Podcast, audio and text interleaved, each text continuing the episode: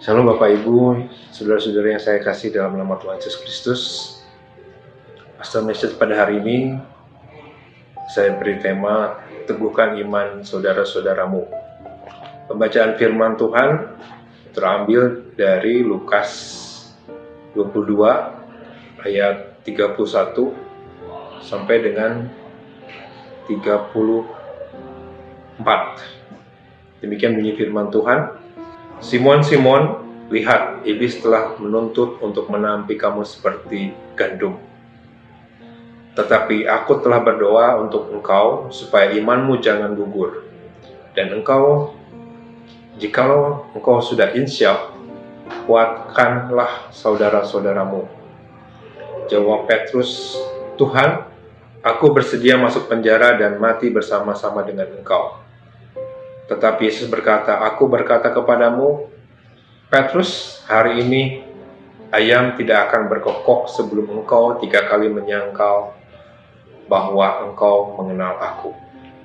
Saudara, ini adalah percakapan Tuhan Yesus pada waktu perjamuan malam.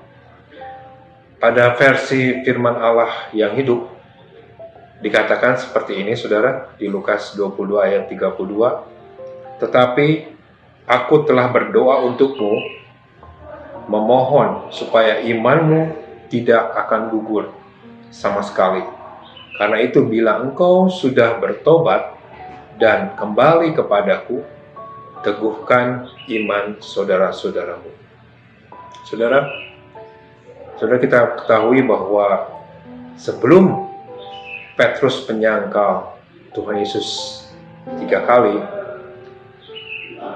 Tuhan Yesus sudah memperingatkan Petrus bahwa Petrus akan ditampi ya, oleh iblis seperti gandum.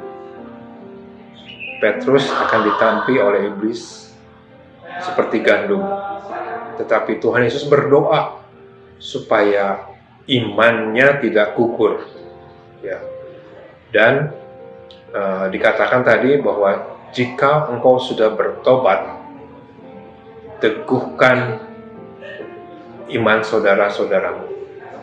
Saudara, jadi Tuhan sudah memberikan satu kekuatan dan peringatan kepada Petrus jika dia sudah bertobat kembali kepada Tuhan teguhkan iman saudara-saudara. Mari saudara, saat-saat ini juga kita teguhkan iman saudara-saudara kita. Mungkin mereka mengalami kelemahan, mungkin mereka mengalami sedang mengalami pergumulan.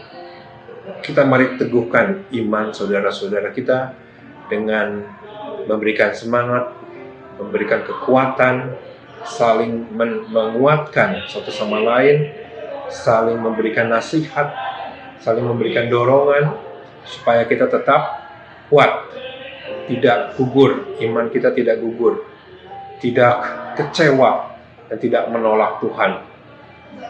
Jika kita uh, bersandar akan kekuatan Tuhan, kita percaya dan saya percaya bahwa kita iman kita tetap teguh, iman kita tidak akan goyah, iman kita tidak akan gugur.